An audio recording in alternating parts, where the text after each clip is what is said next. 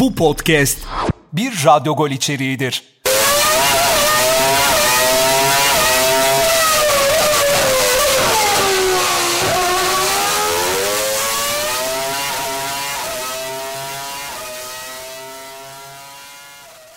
Merhabalar. F1 Pot'a hoş geldiniz. Yepyeni bir bölümde yine sizlerle birlikteyiz. Max Verstappen'in podyumun en üst basamağında yer alması ve şampiyonanın zirvesindeki liderliğini 15 puan farkla pekiştirmesi sona eren Avustralya Grand Prix'sinin ardından dramatik bir hafta sonunu beraberinde yaşamamıza neden oldu. Neden dramatik? Tam 3 kez F1'in müthiş mücadelesinde kırmızı bayrak kalktı.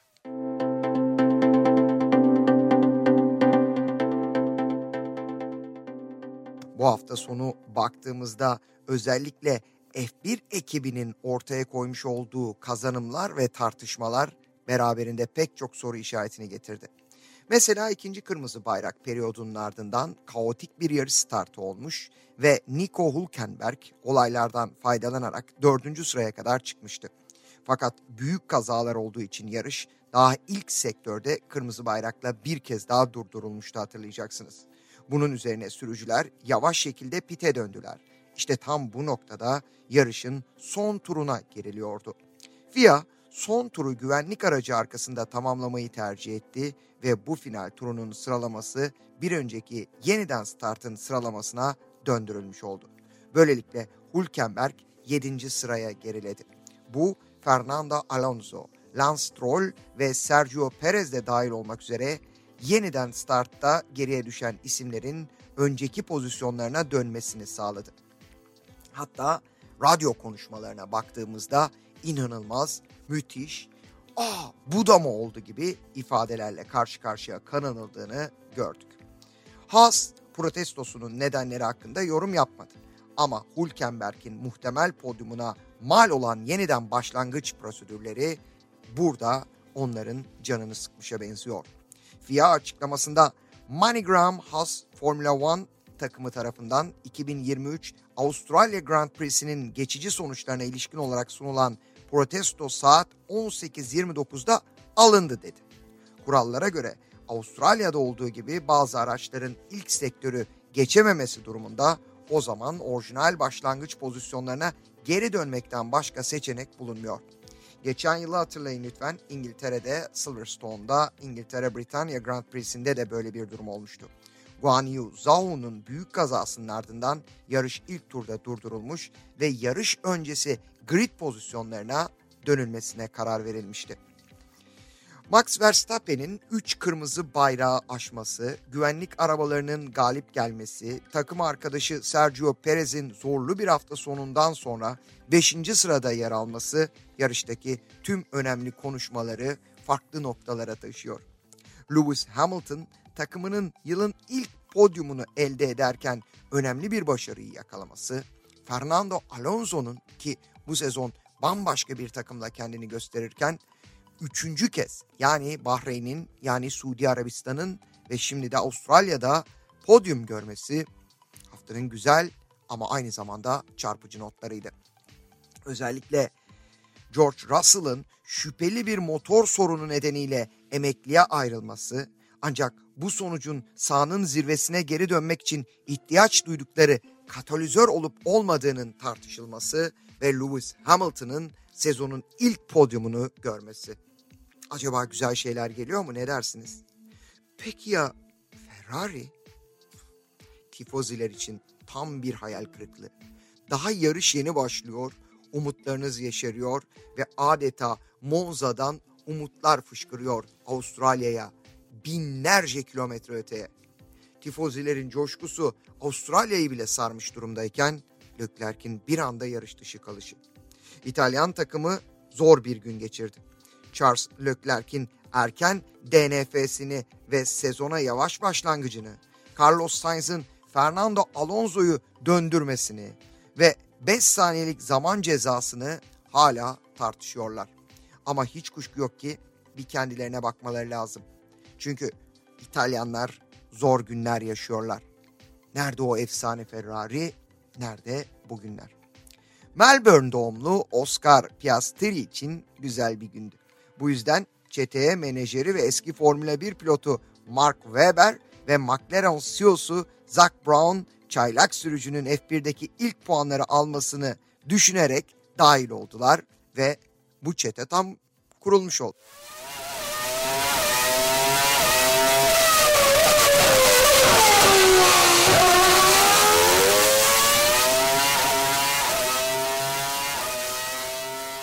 Size anlattığım hikayeler Avustralya'dan yansımalardı. Şimdi çok değerli bir isimle Türkiye otomobil sporlarının gelişiminde, büyümesinde, Formula 1'in Türkiye'ye gelişinde çok büyük etkisi olan sevgili Banu Başaran ve kıymetli eşi Metin Çeker'le birlikteyiz ama bugün Banu abla ile konuşacağız. Gelecek haftalarda Metin abiyi eski Türkiye Otomobil Sporları Federasyonu Başkanımızı rahatsız edeceğiz. Banu abla merhabalar. Merhabalar. Samimiyete binaen abla diye hitap edebilirim değil mi? Bu bir podcast. Tabii ki her zaman.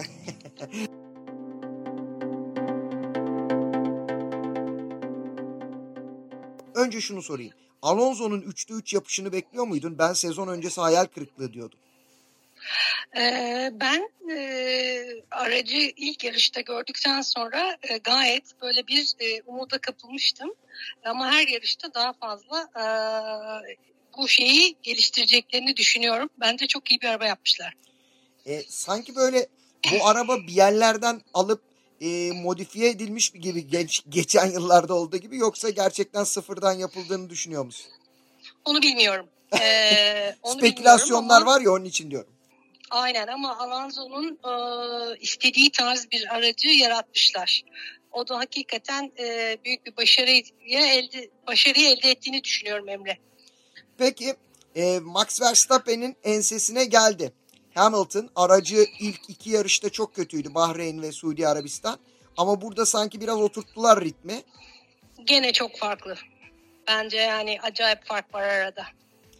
Mercedes açısından da umutsuzum teknolojik anlamda. E, Red Bull alır götürür mü? Öyle görünüyor.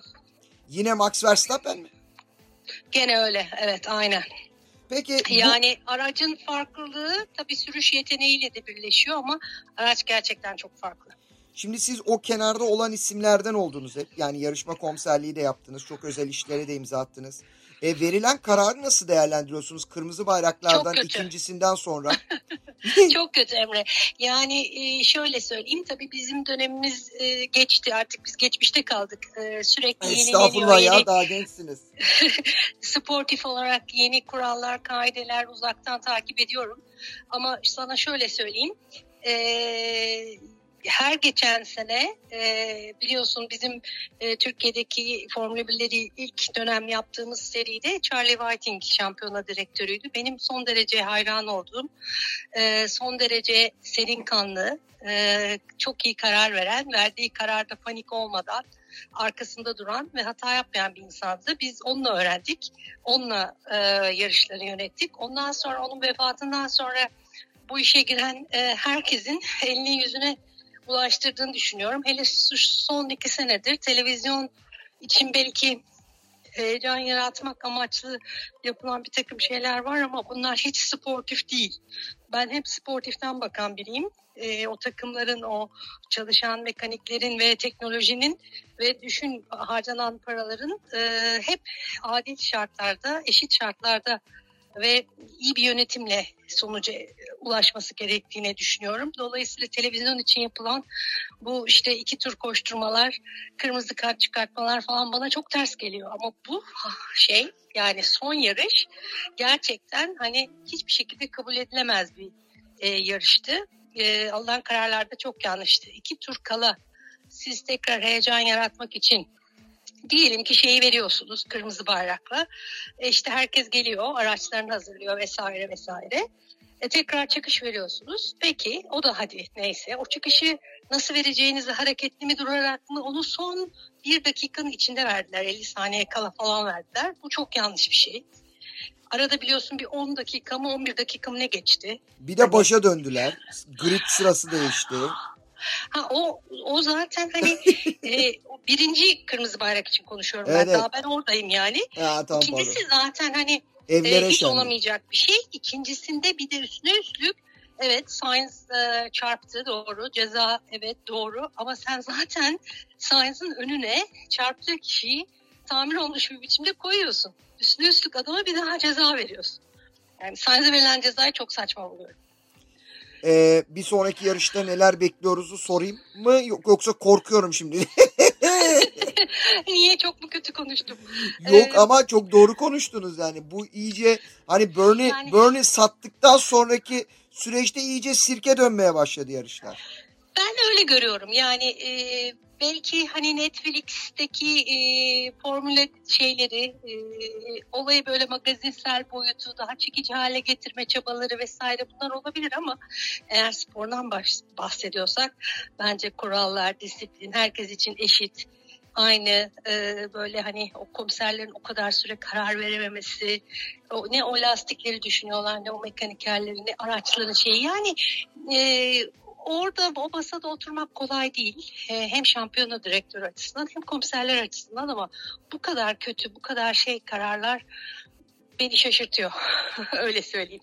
Ee, sanıyorum böyle devam edecek. Birazcık Netflix vari bir Formula 1 sezonu göreceğiz gibi geliyor Emre'cim. Ya da Ama şey Red Netflix o gün kimi çekiyorsa onu öne çıkartıyorlar. İyi, o kadar değil ama yani uygulama şey. Ee, bana bana şey geliyor, ters geliyor dediğim gibi. Ee, Red Bull şey, e, araç olarak, teknik olarak çok üstün. O üstünlüğünü koruyacak. Ee, şahsi favorim şey, e, Leclerc ama hmm, bakalım. Azerbaycan'a gidecekler şimdi. Bakü'de 28-30 Nisan. Evet, göreceğiz neler oluyor. Orası da biliyorsun yol pisti. Evet. O yüzden neler olacağı e, heyecanla bekliyor olacağız Emre'ciğim. Peki çok teşekkür ediyorum Sayın Banu Başaran. Bu arada FIA'daki göreviniz ederim. hala devam ediyor değil mi? Kadın Efendim? komisyonunda. Kadın komisyonunda. Hayır hayır devam etmiyor. O- o- Ben e, 2017'den itibaren otomobil sporları ile ilgili bütün şeyimi bıraktım, kariyerimi. E, sadece iyi bir izleyici olmaya çalışıyorum. ve iyi dışarıda. bir yorumcu. İyi bir yorumcu. Mükemmel yorumladınız. Teşekkür ederim. O senin sayende. Kucak dolu sevgiler gönderiyoruz. Önümüzdeki yarışta da Sayın Metin Çeker'i bekliyoruz artık. İnşallah. Görüşmek üzere. Sevgiler efendim.